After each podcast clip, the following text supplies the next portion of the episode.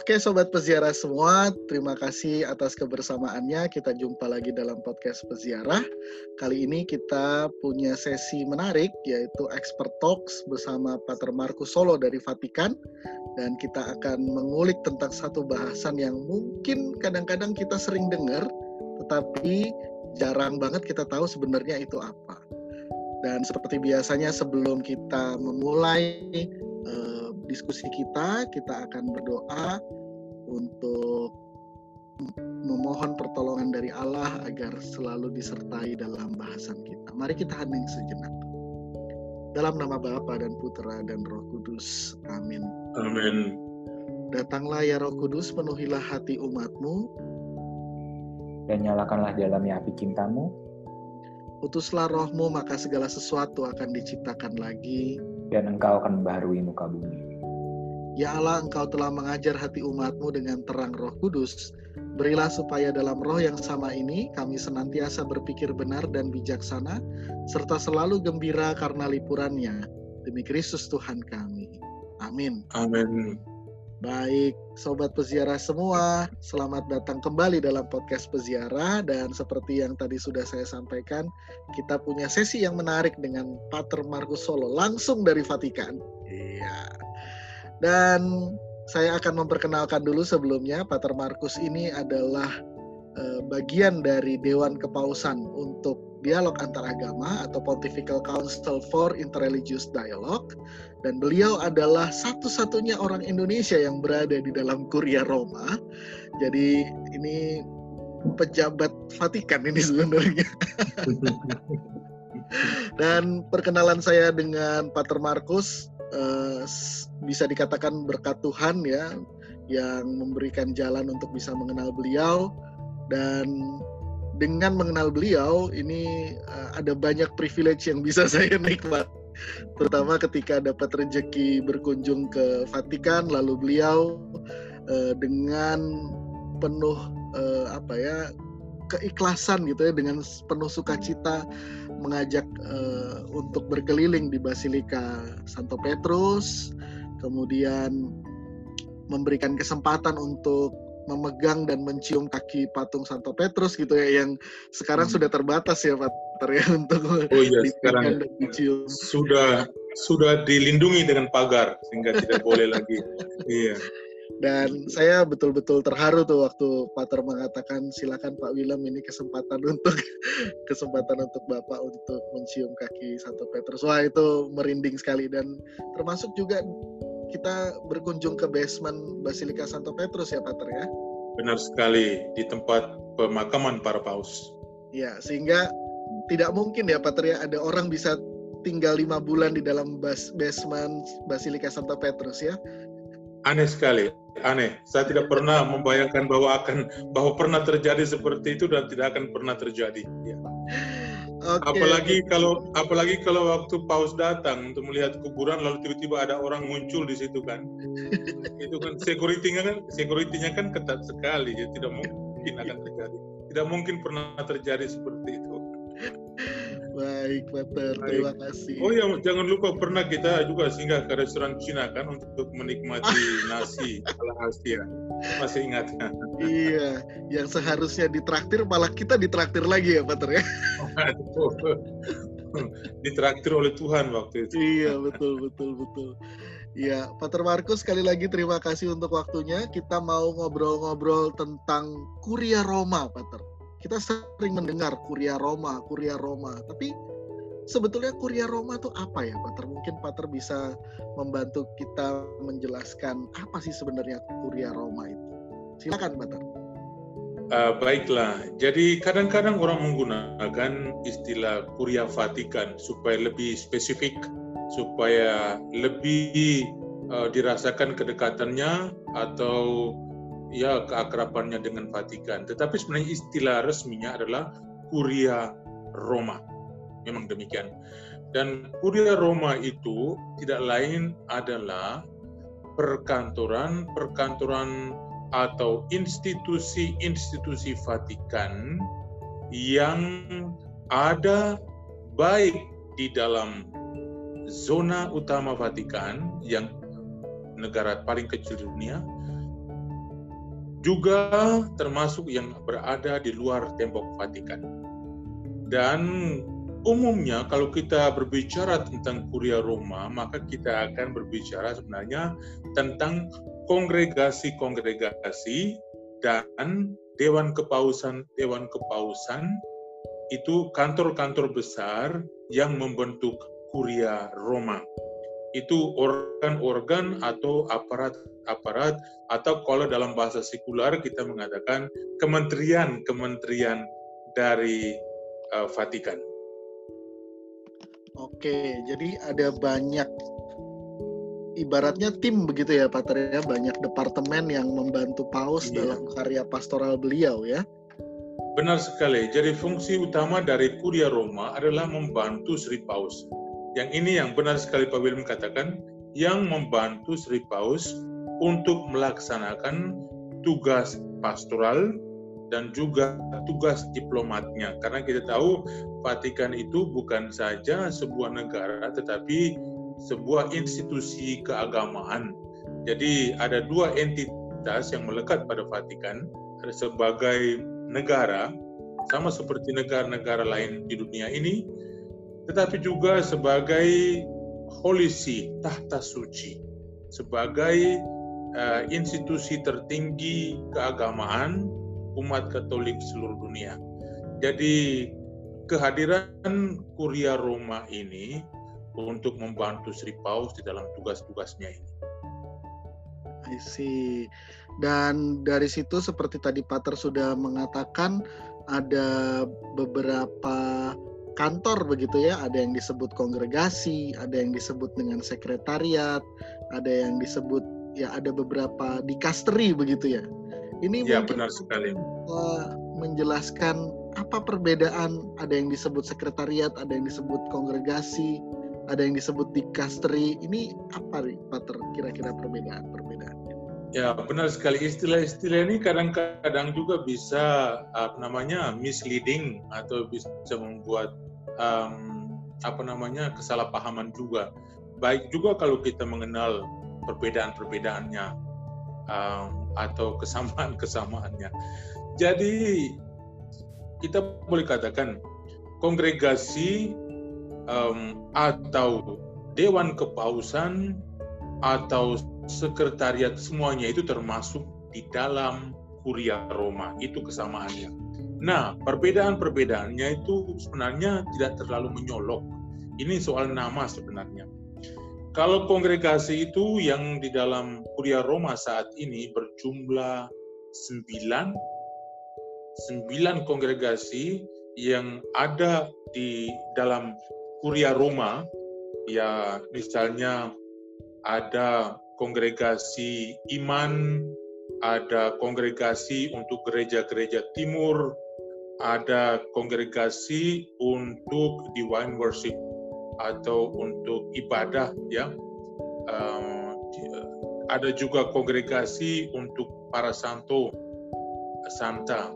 Ada kongregasi untuk uskup-uskup, ada kongregasi untuk uh, propaganda fide yang namanya itu misi misi gereja. Ada juga kongregasi untuk kaum uh, klerus. Ada juga kongregasi untuk hidup apostolik dan hidup membakti, uh, hidup bakti ya. Ada juga kongregasi untuk apa namanya uh, education, education atau pendidikan Katolik. Jadi itu katakanlah kelompok pertama namanya kongregasi. Juga di dalam uh, buku kami Annuaria Pontificio itu buku register paling besar um, di uh, Kuria Roma di Vatikan juga urutannya biasanya ditempatkan kongregasi-kongregasi duluan. Karena memang kongregasi-kongregasi itu adalah kantor-kantor yang lebih besar baik secara fisik maupun secara substansi. Jadi itu perkantoran-perkantorannya, tetapi dinamakan kongregasi. Yang tadi saya sebutkan itu dinamakan kongregasi karena memang mereka itu besar dan uh, punya apa namanya sub-subkomisi atau institusi-institusi yang berada di bawah kongregasi-kongregasi tersebut. Jadi bersifatnya eh, sifatnya lebih luas dan lebih besar um, dan lebih kompleks katakanlah begitu dengan tentu saja dengan jumlah pekerjanya yang lebih banyak. Kalau dibandingkan dengan Pontifical Council atau Dewan Kepausan, Dewan Kepausan ini sebenarnya perkantoran-perkantoran yang secara fisik lebih kecil dengan apa namanya orientasi kerja yang lebih dikatakan lebih fokus kepada uh, secara ke dalam dan secara keluar. Secara ke dalam artinya bahwa mereka merupakan sebuah dewan kepausan atau dewan penasihat paus uh, untuk memberikan masukan-masukan, informasi-informasi penting uh, menjadi penyalur antara gereja lokal di seluruh dunia dengan Sri Paus uh, menyangkut kompetensi yang mereka pegang. Saya ambil contoh misalnya Dewan Kepausan untuk Dialog Antar Umat Beragama atau Pontifical Council for Interreligious Dialogue yang tempat saya bekerja saat ini. Jadi dewan kami ini menjadi jembatan antara gereja-gereja lokal di seluruh dunia uh, dengan paus bahwa kami mengamat atau mengetahui dengan baik situasi yang ada di seluruh dunia di mana gereja Katolik hidup dan bekerja.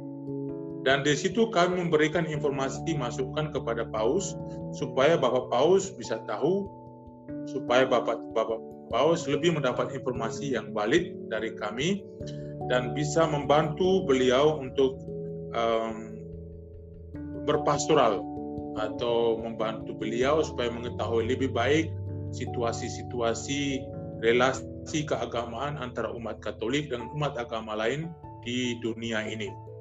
Tetapi juga secara keluar tugas kami, artinya bahwa kami juga mendapat pesan, menerima pesan dari Sri Paus uh, untuk kami bawa ke gereja-gereja lokal ke seluruh dunia.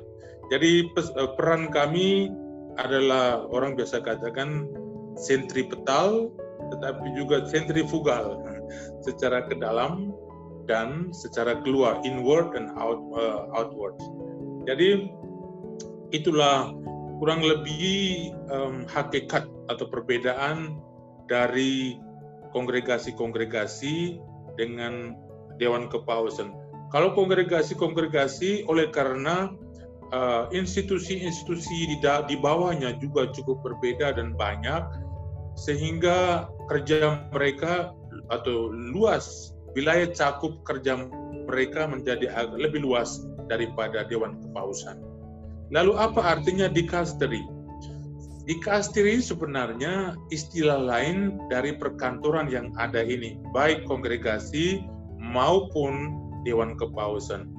Dikasteri itu adalah sebuah istilah yang pada hakikatnya lebih sekular yang digunakan oleh pemerintah-pemerintah di dunia-dunia sekular.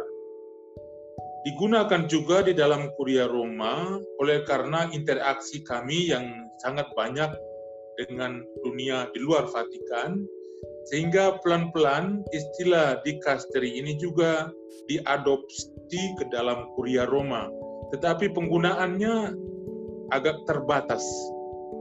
Itu lebih banyak digunakan di dalam kaitan dengan komunikasi atau kehadiran Vatikan di dalam uh, hubungan atau di luar dari Vatikan. Misalnya kalau kami hadir di wilayah-wilayah di luar Vatikan, istilah kami misalnya untuk lebih dipaham kami menggunakan istilah dikasteri atau dalam komunikasi dengan eh, tempat-tempat uh, lain institusi-institusi lain di luar Vatikan kita juga uh, kerap menggunakan kata dikasteri. Jadi dikasteri sebenarnya asalnya dari bahasa Yunani yang lebih menggambarkan sebuah institusi pemerintah administrasi publik yang lengkap jadi istilah ini kurang lebih bisa mewakili uh, hakikat dari kongregasi dan juga Dewan Kepausan di Vatikan dalam arti bahwa sebuah administrasi publik yang lengkap uh, sehingga kami juga kerap menggunakan kata dikastri. Tetapi secara ke dalam dan dalam komunikasi-komunikasi resmi atau sangat resmi, kita biasa menggunakan secara distinktif atau berbeda kongregasi dan dewan kepausan. Kadang-kadang juga secara ya kerap kita gunakan kata-kata kantor, hmm, kantor. Tetapi istilah resminya sebenarnya kongregasi dan dewan kepausan. Mungkin inilah yang bisa saya katakan menyangkut Kuria Roma, kongregasi, dan Dewan Kepausan. Tetapi, oke, okay, um, berkaitan erat dengan penjelasan ini, um, kita boleh menyinggung kata sekretariat. Nah, sekretariat ini satu institusi di dalam Kuria Roma yang sebenarnya tidak termasuk di dalam Dewan Kepausan dan juga kongregasi. Yang saya maksudkan di sini adalah sekretariat negara. Kita tahu bahwa Vatikan ini mempunyai dua entitas yang melekat pada dirinya sebagai sebuah negara yang berdikari dan suveren sama seperti negara-negara lainnya dan juga sebagai tahta suci dua entitas. Nah, sebagai takhta suci, Vatikan ini mem memiliki sebuah organ yang paling tinggi di bawah paus yang membawahi atau mengatur roda kerja di dalam kuria Roma, yaitu sekretaris negara. Sekretaris negara di Vatikan juga memiliki dua seksi. Seksi pertama adalah uh, seksi atau departemen yang mengurus hal-hal internal atau di dalam istilah negara sekular kementerian di dalam negeri atau kementerian dalam negeri Home Affairs. Lalu seksi kedua atau sekretariat negara seksi kedua departemen kedua adalah uh, institusi atau sekretariat yang mengurus hubungan antar negara, hubungan diplomatik antar negara. Um, itu kedua departemen dari sekretaris negara ini uh, disatukan, uh, artinya tentu saja berbeda, tetapi berada berdampingan dan disebut sekretariat negara satu dan dua. Dan kedua sekretariat negara ini yang dibawahi atau dipimpin oleh Kardinal Pietro Parolin. Jadi eh, Vatikan sebagai sebuah institusi keagamaan berada di bawah koordinasi artinya di dalam kerja ya koordinasi sekretariat negara. Lalu Vatikan sebagai negara itu berada di bawah koordinasi um, gobernatorato. Jadi gobernatorato atau kantor administrasi negara kalau boleh dikatakan kurang lebih seperti demikian itu dua institusi besar di dalam Vatikan yang mengurus dua entitas besar ini. Terus di atas dua institusi besar ini tentu pemimpin utamanya adalah Sri Paus sendiri. Iya, sekarang kita lihat di gambar ini uh, pada awal kepemimpinannya sampai beberapa tahun yang lalu itu Paus Fransiskus memilih mula-mula tujuh kardinal, kemudian ditambah lagi dua menjadi sembilan kardinal yang merupakan tim penasihat beliau yang beliau undang uh, sangat sering waktu itu untuk bisa uh, meeting, untuk berdiskusi, untuk mengambil keputusan-keputusan terutama menyangkut satu hal yang yang betul-betul merupakan satu hal baru dan besar yang dilakukan oleh Paus Fransiskus dalam kaitan dengan uh, tugas kesembilan kardinal yang beliau bertentukan sendiri adalah reformasi Kuria Roma. Jadi berdasarkan um, dokumen Pastor Bonus dari Paus Yohanes Paulus II uh, dengan pendasaran um, itu beliau dulu membuat atau membentuk um, Kuria Roma sesuai dengan yang beliau inginkan, sesuai yang ingin beliau capai dari Vatikan untuk gereja seluruh dunia. Kemudian Paus Fransiskus dengan eh, kesembilan kardinal tersebut mencoba untuk merevisi um, dokumen pastor bonus tersebut, kemudian merevisi juga beberapa hal, mereformasi Kuria Roma. Misalnya yang lebih uh, apa namanya dikenal uh, cukup agresif dari Paus Fransiskus saat ini bahwa beberapa tahun lalu beliau sukses mereduksi atau menyatukan beberapa uh, perkantoran baik itu kongregasi uh, maupun uh, Pontifical Council yang kurang lebih punya misi dan hakikat yang kurang lebih sama itu ke dalam satu dikastri saja atau satu perkantoran saja. Dan itu um, dilakukan dengan betul dengan sangat sukses walaupun untuk mencapai apa namanya target kerja dari bentuk kantor baru seperti ini butuh waktu tentunya tetapi sudah terjadi perombakan atau revisi dan beberapa kantor sudah dibentuk menjadi sebuah kantor sendiri. Jadi kurang lebih seperti itu gambaran um, Kuria Roma. Oke, Pak. Masih ada pertanyaan? Tentu masih ada, Pak.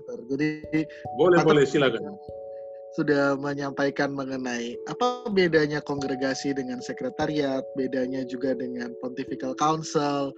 Terus Pater juga sudah menyinggung Council of Cardinals yang uh, gambarnya ditayangkan sekarang ya Pater ya. Iya, uh, iya, ada sembilan kardinal yang memang secara intensif bertemu dengan Paus untuk uh, mereformasi Kuria Roma di mana Salah satunya kalau nggak salah ada yang dari Asia ya, Kardinal Gracias, Pater ya, kalau tidak salah. Benar sekali, Kardinal Gracias masuk di dalam tim ini.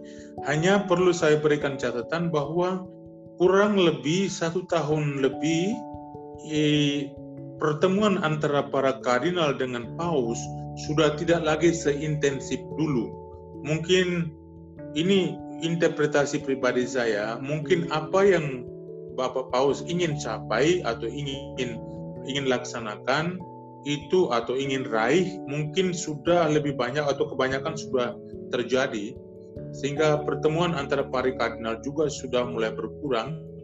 Apalagi ada satu dua kardinal minimal satu yang saya kenal baik eh, juga sudah bukan lagi merupakan kepala eh, atau ketua konferensi para uskup dari sebuah negara sudah ada pergantian, apakah beliau juga akan tetap dimasukkan di dalam tim Kardinal 9 ini atau tidak masih dipertanyakan. Baik.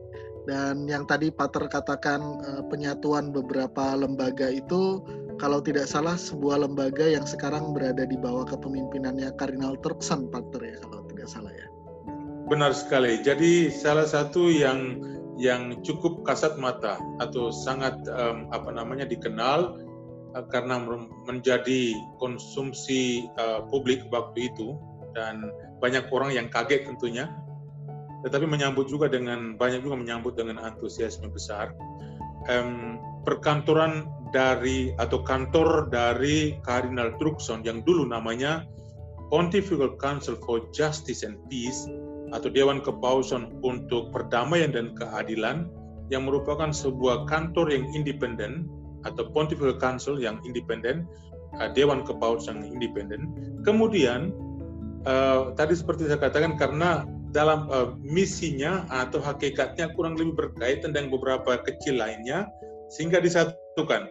Jadi uh, Dewan Kepausan untuk Keadilan Perdamaian waktu itu disatukan dengan Dewan Kepausan untuk Migrasi dan orang yang bepergian, lalu disatukan pula dengan Dewan Kepausan untuk urusan kesehatan dan Dewan Kepausan untuk apa namanya karitas uh, namanya kor unum satu hati uh, juga bergerak di bagian karitas.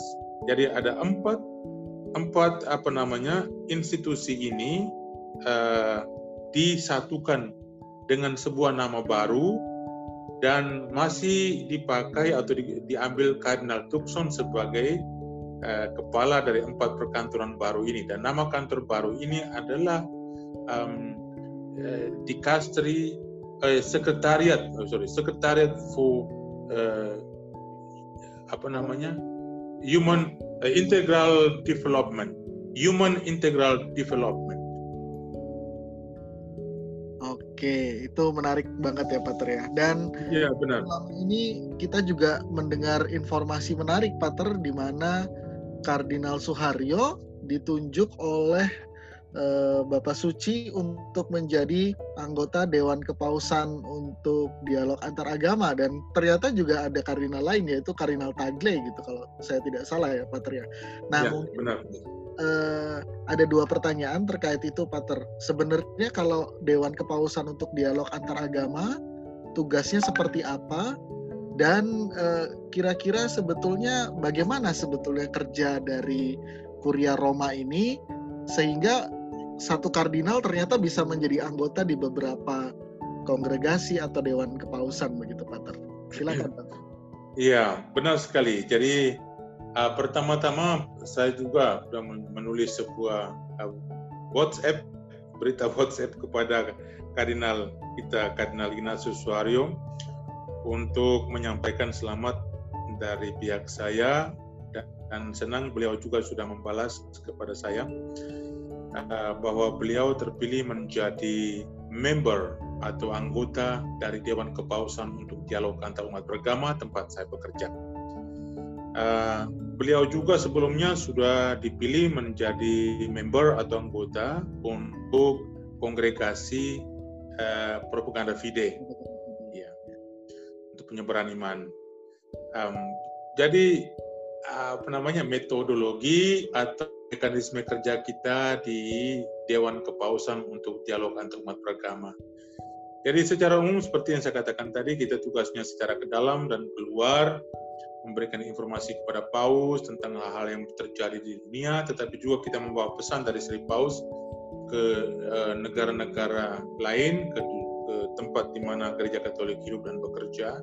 Selain itu kita juga mengambil banyak inisiatif untuk memajukan dialog antarumat beragama secara bilateral, bilateral tentunya karena Vatikan ini uh, jauh dari negara-negara dunia dan saya ingat terus itu kardinal kami sebelumnya, Kardinal John Louis Turang, yang dulu pernah bersama saya atau saya dampingi beliau tahun 2009 berkunjung ke Indonesia. Beliau selalu mengulangi uh, pada setiap kesempatan, ingat bahwa dialog lintas agama tidak terjadi di kantor kami atau uh, biasanya nama jalan di tempat kantor kami ini menuju Vatikan namanya Via della Conciliazione. Sehingga beliau katakan bahwa dialog lintas agama tidak terjadi di Via della Conciliazione di Vatikan, tetapi di gereja lokal, di mana orang uh, umat hidup berdampingan.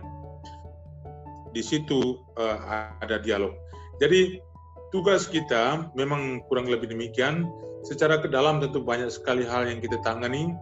Kebetulan Dewan Kepausan ini uh, bergerak di dalam memajukan perdamaian dengan umat beragama lain. Jadi kita di sini ada departemen-departemen di kantor ini yang mengurus hubungan dengan agama berbeda-beda. Ada kami ada tiga orang yang mengurus relasi dengan umat Islam di kawasan geografis masing-masing. Misalnya saya sendiri menangani di kawasan Asia Pasifik, seorang sahabat yang lain menangani relasi dengan umat Islam di Timur Tengah, dan sebuah sebagian dari Eropa, dunia barat termasuk Amerika. Dan satu lagi mengurus uh, relasi dengan umat Islam di kawasan daratan uh, Eropa. Uh, jadi uh, kalau untuk Afrika kebetulan kami uh, dulu pernah satu orang tapi menjadi uskup sehingga kami masih mencari seorang lagi untuk menangani desk Afrika. Jadi ada juga selain yang menangani relasi dengan umat Islam, ada juga seorang yang menangani dengan menangani desk untuk relasi dengan umat Hindu, umat Jain dan umat Sikh. Dan ada satu lagi yang mengurus relasi dengan umat Buddha, umat uh, Sinto dan umat Konghucu. Ada satu lagi yang menangani relasi antara agama Katolik dengan sekte-sekte uh, baru dari agama-agama besar, agama-agama mainstream. Uh, nah, itulah um, spektrum kerja kami di sini.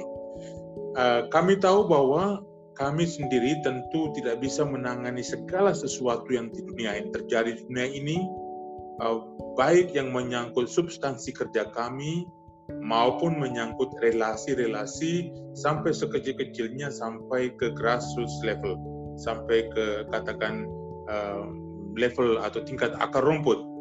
Oleh karena itu, kami juga tahu bahwa kami tidak mengetahui sejarah segala sesuatu sehingga kami juga butuhkan bantuan. Nah, itu sebuah tradisi yang cukup panjang di Vatikan bahwa setiap kongregasi dan dewan kepausan memiliki apa yang dinamakan member atau anggota. Anggota ini biasanya diambil dari para kardinal, para patriark, para uskup agung. Jadi ada tiga, tiga jenis apa namanya pangkat atau posisi kegerejaan yang kami ambil sebagai member atau uh, anggota kardinal, patriark itu dari uh, agama Katolik Ritus Timur dan juga uskup agung. Uh, nah, menyangkut para kardinal, biasanya kalau seorang kardinal itu dipilih, artinya kardinal baru, itu pasti akan ditugaskan di sebuah kuria, sebuah kantor di kuria Roma dengan jabatan member atau anggota. Nah, apa itu member atau anggota? Mereka yang kami pilih atau kami ajukan sebagai member atau anggota lalu diresmikan oleh paus, artinya diangkat oleh paus, biasanya untuk satu mandat atau masa jabatan lima tahun dengan kemungkinan akan diperpanjang lagi kalau Sri Paus merasa itu penting dan perlu. Nah, untuk lima tahun pertama ini, para member itu kami uh, diberikan tugas uh, dan kewenangan untuk mendampingi kami secara spiritual. Mereka tetap tinggal di negara mereka masing-masing, di tempat tugas mereka masing-masing, seperti Bapak Kardinal Ignatius Suharyo tetap tinggal di Jakarta, tetapi sejak diangkat menjadi member dari perkantoran tertentu, beliau secara memiliki tanggung jawab moral untuk mengikuti kerja perkantoran-perkantoran itu secara lebih dekat. Jadi beliau bisa juga membantu dengan memberikan informasi-informasi, masukan-masukan kepada kami, memberikan anjuran-anjuran apa yang harus bisa dibuat atau apa yang perlu ditingkatkan. Jadi mereka memberikan kepada kami masukan-masukan seperti itu, tetapi juga berdoa doa itu penting sekali. Jadi mereka juga berdoa untuk kami, memberikan dukungan moral kepada kami, juga masukan-masukan yang penting kepada perkantoran-perkantoran di mana mereka menjadi member atau anggota. Nah, di dalam jangka waktu lima tahun ini, umumnya setiap perkantoran Vatikan, Kuria Roma, baik kongregasi maupun Pontifical Council atau Dewan Kepausan, menyelenggarakan sebuah uh, pertemuan apa namanya plenary assembly um, rapat paripurna biasanya rapat paripurna itu terjadi antara 2 sampai 3 tahun sekali di Vatikan. Nah, pada kesempatan itu kami mengundang para members secara resmi untuk hadir langsung di Kuria Roma. Tentu saja kalau nggak ada corona ya, kalau nggak ada coronavirus, beliau-beliau itu akan datang ke sini. Jadi biasanya seperti itu kan. Tapi kalau seandainya mereka hadir di Vatikan, ada kunjungan-kunjungan ke Vatikan, entah untuk urusan apa aja, lalu memiliki keinginan untuk mampir di kantor di mana mereka menjadi member, tentu kami sangat menerima mereka, sangat senang menerima karena pada kesempatan itu kita bisa berdiskusi, mendengar dari mereka. Jadi kurang lebih peranan para member seperti itu. Nah, di dalam um, apa namanya struktur kerja dari Pontifical Council dan juga dari uh, kongregasi di Kuria Roma, selain ada member, ada juga satu uh, kelompok lain lagi yang berada di bawah members namanya consultants atau para penasihat. Para penasihat itu biasanya kami uh, miliki dari para uskup, para romo, para suster, para awam yang kom, apa namanya punya kompetensi di bidang itu ya, masing-masing di mana misalnya di Dewan Kepausan dialog antar umat beragama. Nah mereka-mereka itu kita juga um, undang atau diangkat oleh Paus uh, menjadi consultors atau penasihat. Uh, jumlah mereka kurang lebih sama antara 25 sampai 30 orang. Jadi kalau ada pertemuan paripurna dari dewan kami, itu kita bisa tahu betapa internasionalnya dan betapa ramainya. Karena para kardinal, para patriark, para uskup agung, para uskup semuanya sampai kita semua juga hadir sehingga biasanya sangat ramai dan sangat indah. Baik, Pater. Kalau penjelasan mengenai Dewan Kepausan untuk dialog antaragama mungkin bisa dilukiskan dari lukisan yang ada di tayangan ini ya, Pater ya. Mungkin Pater boleh iya. cerita iya. sedikit lukisan ini. Iya, benar sekali. Jadi untuk uh, dewan kami misalnya, Dewan Kepausan untuk Dialog Antar Umat Beragama, kami memiliki sebuah deskripsi yang cukup umum lah, yang dituangkan di dalam lukisan kanvas. Dan ini seperti Pak William sendiri pernah lihat dan sudah foto di depannya, itu persis kami gantungkan atau tempelkan di pintu masuk dari Dewan Kepausan untuk agama. Nah, sejarah singkat dari lukisan ini, lukisan ini terjadi pada tahun atau dilakukan atau dibuat pada tahun 1978 oleh seorang seniwati berkebangsaan atau turunan kelahiran Prancis yang hidup di Roma terutama waktu itu hidupnya di Milano pada tahun 1978 kemarin. Beliau adalah seorang seniwati, seorang pelukis, dan punya relasi yang sangat kuat dengan gereja waktu itu. Nah, saat itu seperti kita tahu tahun 1978 eh, itu eh, awal-awal dari masa pontifikat atau masa kepausan dari Paus Yohanes Paulus II. Nah, Paus Yohanes Paulus II waktu itu meminta seniwati ini yang bernama Dolores Putold, meminta Dolores Putold untuk melukiskan spirit atau roh dari dokumen Nostra Aetate. Salah satu dari 16 dokumen resmi Konsili Vatikan kedua. Nah, Dokumen Nostra Aetate ini bahkan dasar pijak resmi dan juga merupakan orientasi pegangan dari Dewan Kepausan untuk dialog antar umat beragama di dalam tugasnya untuk memajukan dialog antar umat beragama. Kemudian Dolores Putol, si seniwati ini berpikir tentu saja dia membaca dulu dokumen yang merupakan dokumen terpendek dari 16 dokumen utama dari Vatikan, dari Konsili Vatikan kedua. Lalu beliau melukiskannya seperti ini.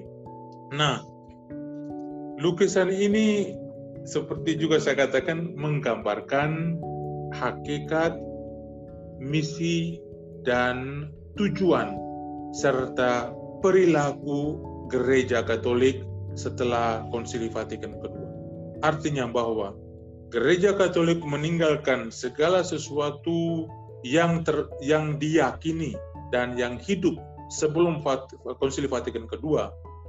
Kita tahu Konsili Vatikan kedua itu dilakukan dari tahun 1962 sampai 1963. Nah, juga kita tahu Konsili Vatikan kedua ini eh, diselenggarakan oleh Paus Yohanes ke-23 tetapi sayangnya tahun 1963 eh, Paus Yohanes ke-23 ini meninggal dunia persis satu tahun setelah dibukanya Konsili Vatikan kedua Oleh karena itu dibuat konklas untuk dipilih sebuah eh, seorang paus baru dan paus paus Paulus ke-6 yang dipilih waktu itu. Uh, dan kita lihat di atas foto ini, paus yang bertopi putih ini uh, bernama Paus Paulus ke-6. Paus Paulus ke-6, beliau yang melanjutkan Konsili Vatikan kedua hingga akhir dengan menghasilkan dan menandatangani begitu banyak dokumen resmi gereja dan beliau pula lah merupakan orang pertama atau paus pertama kontemporer atau masa modern yang melakukan perjalanan sangat banyak di dunia ini termasuk Indonesia dan bertemu waktu itu Presiden Soeharto. Kalau kita buka arsip-arsip di YouTube, kita masih bisa temukan itu. Dan beliau pula lah yang menyebarkan buah-buah atau semangat baru dari Konsili Vatikan kedua ini. Dan salah satunya adalah dokumen Nostra Aetate, keterbukaan baru. Saya tekankan kata ter, baru karena keterbukaan gereja Katolik ini bukan masalah lama, masalah baru, Eh, tetapi sudah ada sebelumnya. Jadi ini satu keterbukaan atau dinamika baru, sebuah apa namanya bentuk baru dari keterbukaan gereja Katolik. Nah, kita lihat di atas foto ini Paus Paulus ke-6 dengan tangan terbuka um, merangkul, ingin merangkul tokoh-tokoh agama di seluruh direpresentasi atau diwakili oleh kita lihat yang di depan Paus Paulus ke-6 sebelah kanan itu Dalai Lama pemimpin uh, agama Buddha Tibet ya. Lalu yang langsung di depan beliau juga berpakaian putih itu kita semua tahu Mahatma Gandhi dari agama Hindu. Lalu di belakang beliau yang bertopi uh, kita lihat sekali sangat tipikal Arab sebelah kanan. Di belakang Dalai Lama itu Raja Faisal dari Saudi Arabia mewakili agama Islam. Kemudian di sampingnya itu yang berbaju kuning yang melihat ke belakang itu Mahatera Prabuddha Norot agama Buddha pemimpin Buddha Eh, dari Laos dan Kamboja. Lalu setelah itu yang bertopi uh, putih ya itu dari uh, Ortodoks gereja Ortodoks namanya uh, Patriark atau Metropolitan Nikodim dari gereja Ortodoks Rusia. Uh, kemudian kita melihat yang bajunya hitam itu uh, namanya Patriark Koraike eh, dari gereja Katolik Maronit dari Libanon. Lalu kita melihat seorang kardinal dengan selempang merah, itu Kardinal Sergio Pignedoli. Beliau adalah presiden pertama dari sekretariat uh, Vatikan yang dibentuk selama Eh, Konsili Vatikan kedua untuk menangani relasi dengan agama-agama non-Kristiani. Beliau merupakan seorang sebuah otoritas tertinggi gereja Katolik waktu itu yang diangkat oleh Paus Paulus ke-6 uh, eh, itu Kardinal Pignedoli. Lalu di samping beliau itu uh, di belakang beliau, sorry di belakang beliau yang topi hitam itu namanya Patriark Ekumenis Meliton dari uh, Patriarkiat Patriarkat Konstantinopel, Turki. Lalu yang di depan beliau yang berbaju kuning itu pemimpin Buddha dari Bangkok namanya Sandai Pravaranat. Lalu yang berikutnya lagi uh, yang di belakang yang itu namanya uh, Patriark Gereja Katolik Ortodoks Yunani Athenagoras. Lalu yang ber uh, itu yang berjenggot putih itu Michael Ramsey, Uskup Agung Canterbury uh, sampai tahun 1975 dan juga primat dari gereja uh, Inggris. Sedangkan yang dua yang lainnya tidak lagi disebutkan, tetapi kurang lebih seperti itu pemimpin-pemimpin gereja, orang-orang yang berkarismatik, uh, pemimpin agama dunia yang digambarkan di sini. Tentu sekali ada alasan mengapa dilukiskan seperti ini. Kalau kita baca dokumen Konsili Vatikan kedua Nostra Aetate, di mana disinggung misalnya agama Buddha, agama Hindu, terutama agama Hindu dulu, agama Buddha, dan semuanya itu ya, artinya jadi semua pemimpinnya direpresentasikan di sini. Selain dua agama besar ini dan agama Yahudi, pemimpin agama Yahudi memang tidak ada di sini. Nanti sebentar saya jelaskan mengapa. Jadi setelah Hindu dan Buddha itu masih digambarkan atau dihadirkan tokoh-tokoh gereja dan apa seperti dan Islam seperti ini. Islam tentu juga hadir karena di dalam dokumen Nostra itu artikel ketiga atau bagian ketiga sentral dari lima poin dokumen Nostra Aetate itu dipersembahkan secara khusus kepada umat Islam. Oleh karena itu juga kita lihat King Faisal berada di sini pada posisi ketiga juga setelah Hindu dan Buddha dan di dalam dokumen Vatikan kedua itu disebut setelah selain agama-agama ini dengan namanya masing-masing di uh, singgung juga agama-agama lain. Jadi uh, kurang lebih seperti itu alasannya. Nah, mengapa agama Yahudi itu tidak ada di sini, tidak punya pemimpin yang dihadirkan di dalam gambar ini? Oleh karena sejak dari awal memang ketika Dewan Kepausan yang dibentuk sudah ada keputusan secara konsil bahwa agama Yahudi, relasi dengan agama Yahudi itu lebih berada di bawah kompetensi sebuah Dewan Kepausan yang lain, yakni Dewan Kepausan untuk Ekumene atau Persatuan Umat Kristen, umat Kristiani.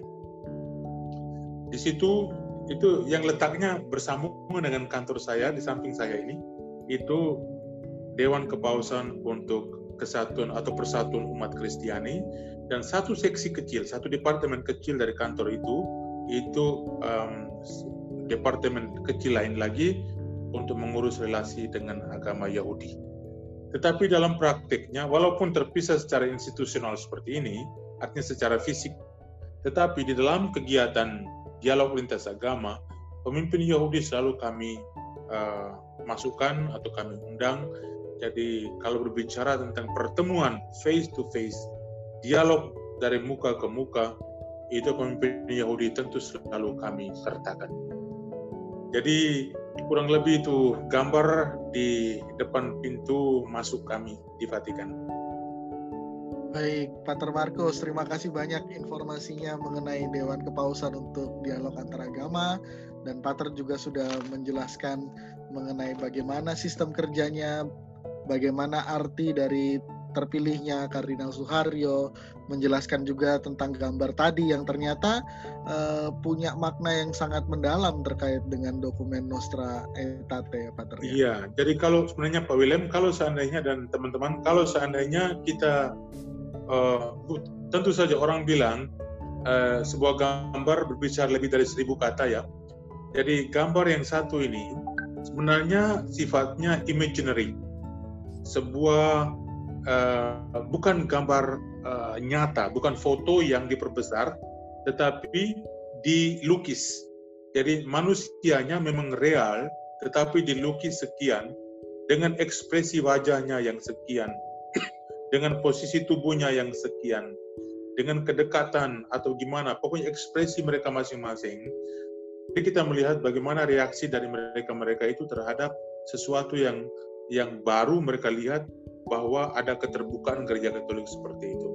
Dan kalau kita lihat lagi gambar itu, Paus Paulus ke-6 ketika dia berdiri dengan tangan terbuka dan merangkul semua orang, bayangan yang ada di bawah dia ternyata membentuk sebuah salib.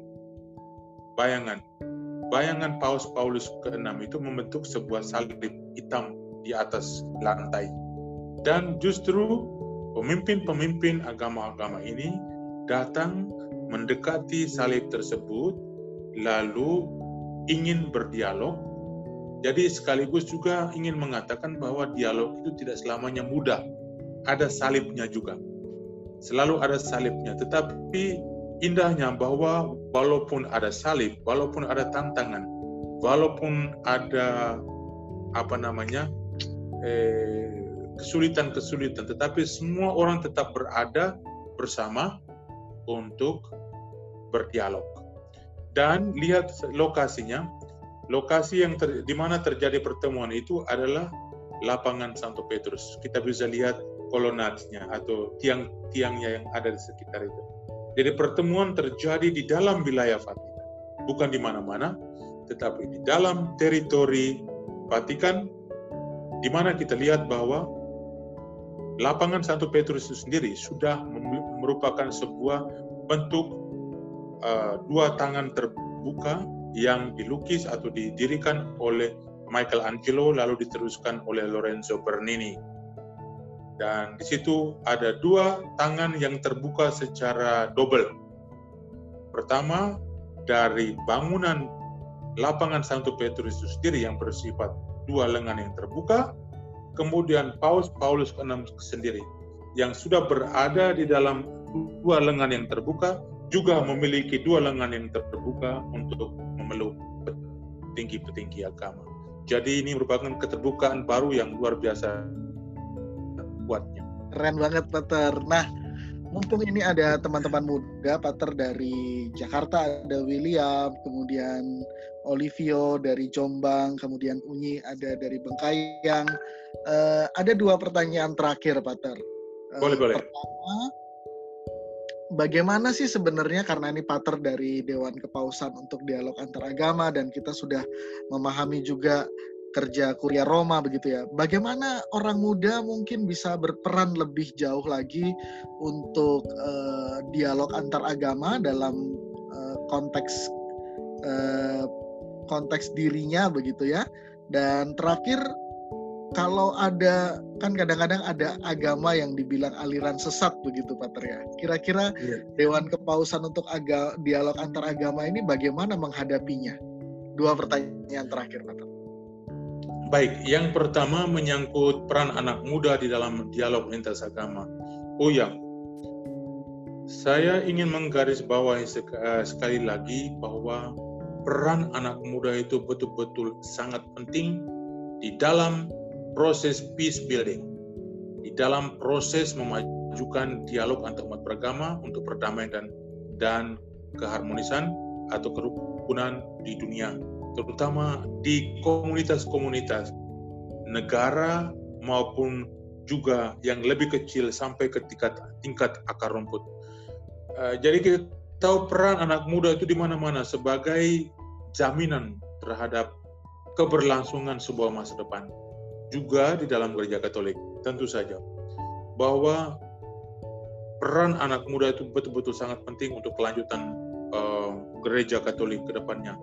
Dan lebih khusus lagi menyangkut kerja kita, menyangkut apa yang kita lakukan saat ini, tentunya harus dilanjutkan ke depannya. Bukan hanya itu, tetapi anak muda karena mereka punya karakter, karena nature-nya, hakikatnya yang begitu dinamis dan mempunyai uh, ruang gerak yang begitu besar dengan dengan sistem atau dengan penggunaan mass media yang begitu intensif, uh, mereka memiliki kapasitas yang sangat besar yang bisa dijadikan sebagai aset atau resource untuk uh, memajukan dialog antar umat beragama. Ini penting sekali. Saya ingat sebelum saya bergabung di Dewan Kepausan ini, pada tahun 2007. Itu beberapa tahun sebelumnya sudah diadakan uh, pertemuan dengan anak-anak muda Katolik. Kemudian diambil juga toko-toko anak muda dari agama-agama lain. Tetapi inisiatif utama waktu itu untuk mendorong anak-anak muda Katolik untuk memajukan dialog lintas agama. Pertemuan waktu itu terjadi di Assisi, di uh, Italia di situs uh, kelahiran dan kematian Santo Besar Santo Franciscus Assisi yang merupakan juga uh, apa namanya inspirator dialog lintas agama uh, sampai saat ini. Jadi pertemuan dengan anak muda atau memajukan anak muda ini sebenarnya sudah ada hanya akhir-akhir ini memang agak lemah, perlu disadari. hanya muncul saja secara sporadis di dalam dokumen-dokumen umum bahwa anak muda perlu dilibatkan dan ini. Dan dengan menyinggung demikian, misalnya dokumen-dokumen yang kami publikasi dari kantor kami, kami ingin menyerahkan inisiatif itu ke gereja-gereja lokal yang membaca dokumen tersebut, menginterpretasi atau memberikan makna dengan mengambil inisiatif membentuk forum-forum atau membentuk aktivitas atau memulai aktivitas dengan melibatkan anak muda untuk dialog lintas agama.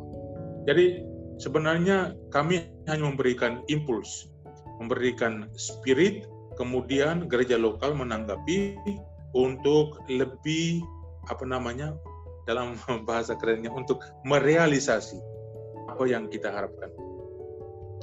Um, peran anak muda memang sangat sangat sangat penting. Saya dari dulu memang sejak bergabung di sini punya mimpi yang sampai sekarang sayangnya belum saya saya belum berhasil saya lakukan. Misalnya saya membuat kunjungan ke negara-negara Asia atau di satu negara Asia lalu mengadakan pertemuan dengan anak muda dalam kerjasama tentunya dengan gereja lokal um, dan ini yang belum terjadi dan uh, sebenarnya pada bulan Maret atau April kemarin sudah terjadi sebuah pertemuan anak muda di Asisi lagi. Jadi apa yang kami lakukan di sini, yang bisa kami lakukan di sini karena keterbatasan kami, baik dari segi finansial maupun dari segi jarak, dan juga dari resource persons atau orang yang bisa membantu bekerja. Oleh karena itu, apa yang kami lakukan di sini, di seputar Italia, di Vatikan, atau di dalam Vatikan, sebenarnya hanya merupakan sebuah kegiatan simbolik yang harus bisa diber, menginspirasi gereja-gereja lokal supaya bisa melakukan hal yang sama. Jadi kita oleh karena keterbatasan seperti itu kita hanya bergerak di bagian simbolik, melakukan hal-hal simbolik seperti itu secara kecil tetapi dengan harapan supaya bisa ditanggapi oleh gereja lokal dan bisa dikembangkan di sana. Ya, beberapa tahun kemarin juga kita biasanya melibatkan anak muda sampai saya biasanya juga diberi minta bantuan untuk mendatangkan wakil-wakil anak muda dari agama lain, misalnya agama Islam, karena agama yang paling besar di, dunia, di negara kita adalah agama Islam, dibutuhkan wakil-wakil yang uh, wakil anak muda Islam. Uh, saya juga mendatangkan mereka. Jadi ada kegiatan-kegiatan cukup banyak seperti itu. Hanya tentu saja kita berharap supaya ada kesadaran baru uh, untuk bisa lebih lebih terfokus, terorganisir uh, kegiatan seperti itu. Um, mungkin Pak Willem dan teman-teman di Indonesia bisa juga menganjurkannya kepada uh, Komisi Hak di Jakarta, hubungan antara agama dan kepercayaan Jakarta, dan juga uh, Komisi Kepemudaan kerawam dan kemuda, kepemudaan untuk bisa bekerja sama untuk melakukan hal-hal seperti ini di Indonesia, konteks Indonesia. Saya yakin akan bisa memberikan inspirasi juga dengan untuk negara-negara lainnya. Um, kita dari sini bisa memberikan ide, kita bisa hadir, misalnya secara keterwakilan, uh, tetapi untuk mengorganisir sesuatu dari jauh seperti ini, apalagi dalam situasi corona lagi seperti ini tentu agak sulit. Tetapi dukungan dari kami selalu ada. Kami memberikan dukungan dan juga selalu menekankan bahwa peran anak muda di dalam peace building atau promosi memajukan dialog lintas agama untuk perdamaian dan keharmonisan itu betul sangat penting kalau seandainya ada dokumen-dokumen yang lebih khusus lagi, lebih spesifik lagi menyangkut ini, nanti saya juga akan bisa kirim. Dan kalau seandainya ada rencana untuk melakukan hal seperti itu, jangan sungkan-sungkan untuk mengontak saya atau mengontak kami supaya kita bisa berikan uh, apa namanya usul saran atau memberikan pertimbangan-pertimbangan yang mungkin penting. Ya. Lalu yang kedua, pertanyaan kedua menyangkut agama-agama yang dikatakan sesat atau dianggap sesat. Biasanya yang dianggap sesat itu umumnya bukan agama-agama mainstream karena agama-agama mainstream selalu mendapat pengakuan secara internasional dan sudah dianggap atau dianggap ya dikatakan agama, status agama. Tetapi yang dianggap sesat, misalnya biasanya umumnya itu sekte-sekte atau kelompok-kelompok yang dianggap sekte atau sekte-sekte baru yang di dalam istilah uh, term tekniknya itu dikatakan new religious movement, gerakan-gerakan keagamaan yang baru yang muncul dari agama-agama besar. Entah itu agama Islam, agama Katolik, agama Protestan, agama Buddha, agama Hindu. Jadi agama-agama besar seperti itu selalu punya uh, apa namanya kelompok-kelompok kecil yang lahir. Dan itu biasanya tidak diterima dengan baik oleh kelompok mainstream. Karena dari segi ajaran eh, hal-hal doktrinal atau juga hal-hal ritual yang dianggap menyimpang dari uh, yang biasanya, yang umumnya. Nah, kami di sini memiliki sebuah departemen yang mengikuti perkembangan-perkembangan seperti itu. Jadi kita juga punya data tentang sekte-sekte atau gerakan-gerakan keagamaan baru di dalam agama-agama besar yang tidak diterima atau dianggap sesat.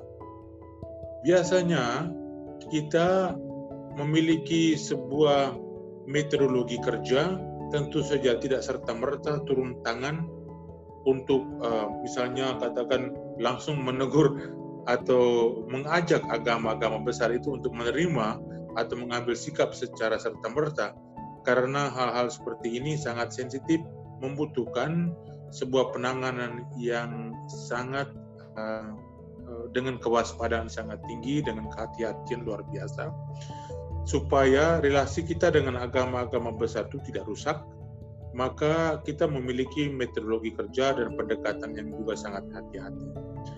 Eh, biasanya kami juga menerima kunjungan dari agama-agama besar, wakil-wakil agama besar selalu datang ke kantor kita untuk audiensi, untuk tukar pikiran, untuk meeting, dan juga dalam kesempatan-kesempatan pertemuan-pertemuan yang resmi kita juga berusaha untuk uh, menyampaikan isu-isu seputar ini untuk membuka wawasan uh, pemimpin-pemimpin agama besar supaya mengambil sikap dan tindakan yang yang jelas. Tentu saja kita berpijak atas yang pertama luhurnya hakikat atau martabat manusia, luhurnya martabat manusia, yang kedua, luhurnya atau integritas hak-hak asasi manusia. Dan kedua hal ini harus diterima, harus dihormati oleh siapa pun. Lalu yang ketiga, kebebasan beragama juga tidak kalah pentingnya. Uh, itu dijamin, selalu dijamin oleh konstitusi atau hukum-hukum positif sebuah negara. Oleh karena itu kita sangat mendukung tetapi keputusan terakhir tentu kita serahkan kepada agama-agama besar tertentu atau agama besar tersebut dalam kerjasama dengan pemerintah lokal untuk menyelesaikan masalah ini. Karena kadang-kadang masalah keagamaan itu berkaitan erat dengan masalah pemerintahan, masalah politik, pemerintahan dan administrasi misalnya menyangkut kewarganegaraan. Jadi dalam nilai-nilai fundamental seperti itu uh, kita serahkan untuk ditangani secara lokal dalam kerjasama juga dengan kita, kita pantau dan kita memberikan masukan-masukan. Jadi kita juga merasakan rasa sakit dari kelompok-kelompok kecil tersebut. Masih sampai saat beberapa saat lalu saya masih menangani sebuah Eh, komunikasi dengan sebuah kelompok kecil yang minoritas yang dianggap sekte di dalam sebuah agama uh, yang meminta supaya walaupun mereka merasa atau mereka di mana-mana mereka ditolak dan diintimidasi dan diskriminasi secara publik, tetapi mereka yang kebetulan hadir di wilayah Eropa dan dijamin uh, hak-haknya ingin sekali untuk juga menjalin kerjasama dengan Tahta Suci Vatikan. Dan eh, hal-hal eh, seperti ini juga kita observasi, kita studi untuk kita ambil keputusan apa saja yang bisa kita lakukan. Jadi prinsip kita itu seperti tadi saya katakan nilai-nilai fundamental yang dimiliki oleh manusia yang juga diakui secara internasional dan juga diakui oleh seluruh komunitas keagamaan dunia. Hal-hal itu sangat kami junjung tinggi. Dan uh, di dalam kerjasama dengan pemerintah dan juga dengan agama-agama besar tersebut. Semoga masalah-masalah itu dengan waktu bisa diatasi. Itulah tujuan kita. Dan kita tidak mau supaya ada penderitaan atas nama agama. Dan agama hadir dunia dengan misi yang sangat-sangat bagus. Bukan untuk menyengsarakan manusia, bukan membuat manusia menderita. Dan karena saya yakin atau kita yakin Bukan itu tujuan Tuhan menciptakan agama-agama. Oleh karena itu kita juga bekerja di jalur yang baik dan membangun untuk memberikan kebahagiaan dan kesejahteraan, perdamaian dan keadilan kepada semua orang. Baik, Pater. Dan itu kalau tidak salah juga semangat dari deklarasi Abu Dhabi ya yang waktu itu dilakukan oleh Benar sekali, benar sekali senang bahwa anak-anak muda juga mengikuti hal-hal seperti ini luar biasa. Jadi jadi benar sekali ada sebuah dokumen baru. Tentu saja sebuah dokum dokumen ini uh, perlu dibedakan dari dokumen-dokumen uh, doktrinal lainnya, um, magisteria lainnya. Uh, dokumen ini tentu saja tidak uh, lebih tinggi dari misalnya deklarasi Nostra Aetate misalnya atau Lumen Gentium atau dokumen-dokumen lain dari Konsili Vatikan II atau yang lain-lainnya. Jadi dokumen yang ditandatangani oleh Paus Franciscus dan Imam Besar Al-Azhar Ahmad At-Tayyib, Dr. Ahmad At-Tayyib di Abu Dhabi pada tanggal 4 Februari tahun 2019 kemarin yang dinamakan uh, human fraternity itu atau persaudaraan insani itu uh, sebuah dokumen dengan uh, hakikat atau dengan judul atau sifat dari dokumen adalah sebuah persetujuan bersama atau kesepakatan bersama. Dokumen kesepakatan bersama. Uh, ini harus dipegang kuat supaya um, bisa memberikan penjelasan tentang karakter dokumen tersebut.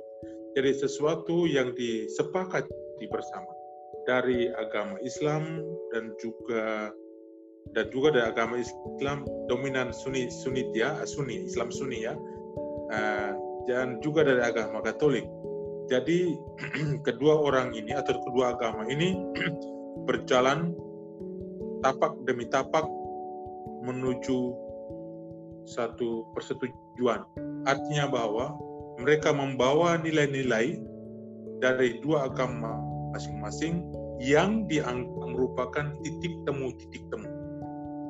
Artinya bahwa ada juga hal-hal yang tidak merupakan kesepakatan bersama, yang tidak bisa dipertemukan, dan itu yang ditinggalkan. Jadi sebuah kesepakatan bersama sifatnya tentu tidak doktrinal, jadi ini yang harus tetap pegang. Dokumen ini bagaimanapun juga merupakan sebuah dokumen yang sangat penting sebuah gebrakan baru, sebuah uh, langkah atau batu loncatan menuju sebuah masyarakat keteraturan baru, uh, new order uh, yang lebih damai dan lebih rukun Tentu saja kalau semua orang ikuti dan perhatikan hal-hal yang disepakati bersama tersebut. Sangat indah, sangat bagus. Malah menggunakan kata-kata sangat lugas yang juga orang-orang tanpa pendidikan pun sudah langsung bisa paham. Jadi kita harap semoga kesepakatan bersama seperti ini bisa menginspirasi banyak orang. Ya, dan harapannya apa yang tertuang dalam lukisan yang ada di Dewan Kepausan untuk dialog antaragama ini bisa terus terwujud ya Pater dalam masa-masa mendatang. Dan terima kasih banyak Pater Markus untuk sharing yang luar biasa buat teman-teman muda, buat sobat peziarah sekalian yang uh, kita sudah mendengarkan penjelasan mengenai Kuria Roma, sudah menjelas, uh, mendengarkan penjelasan mengenai Dewan Kepausan untuk dialog antaragama, ada begitu banyak informasi yang harapannya bisa memperkaya peziarahan kita selanjutnya. Sekali lagi terima kasih Pater buat waktunya. Mohon maaf mengganggu di waktu makan siang ya. Tidak apa-apa. Ini sudah sebelumnya sudah ada makan sedikit. Jadi uh, sudah apalagi sekarang sudah jam 3.30 sore hari waktu Vatikan. Dan terima kasih Pak William atas koordinasi ini dan teman-teman anak muda, terutama Mas William dari Jakarta, Mas Olivia dari Jawa Timur, dan Mbak Unyi dari Pontianak. Jadi dan juga yang lainnya mungkin akan menonton tayangan ini, saya mengucapkan salam sejahtera, sehat selalu, dan kalau ada masih ada pertanyaan-pertanyaan silakan karena tujuan kita ingin saling memperkaya. Mumpung saya saat ini masih ada di Vatikan, karena kalau saya tidak ada lagi mungkin uh, juga tidak ada lagi karena tidak ada orang Indonesia di sini harap agar ada lagi yang menggantikan sehingga bisa iya. memberi informasi lebih lengkap lagi. Ya, Pater. Sehat selalu, Pater ya dalam uh, pekerjaan juga semoga selalu semangat. Dan teman-teman sekalian, mari kita tutup perjumpaan kita karena tadi sudah mulai dengan doa. Mari kita tutup dengan doa. Mari kita hening sejenak kemuliaan kepada Bapa dan Putra dan Roh Kudus seperti pada permulaan. Pada permulaan, sekarang, selalu dan sepanjang segala abad. Amin. Dalam nama Bapa dan Putra dan Roh Kudus. Amin. Salam sejahtera ke tanah air Indonesia dari Vatikan.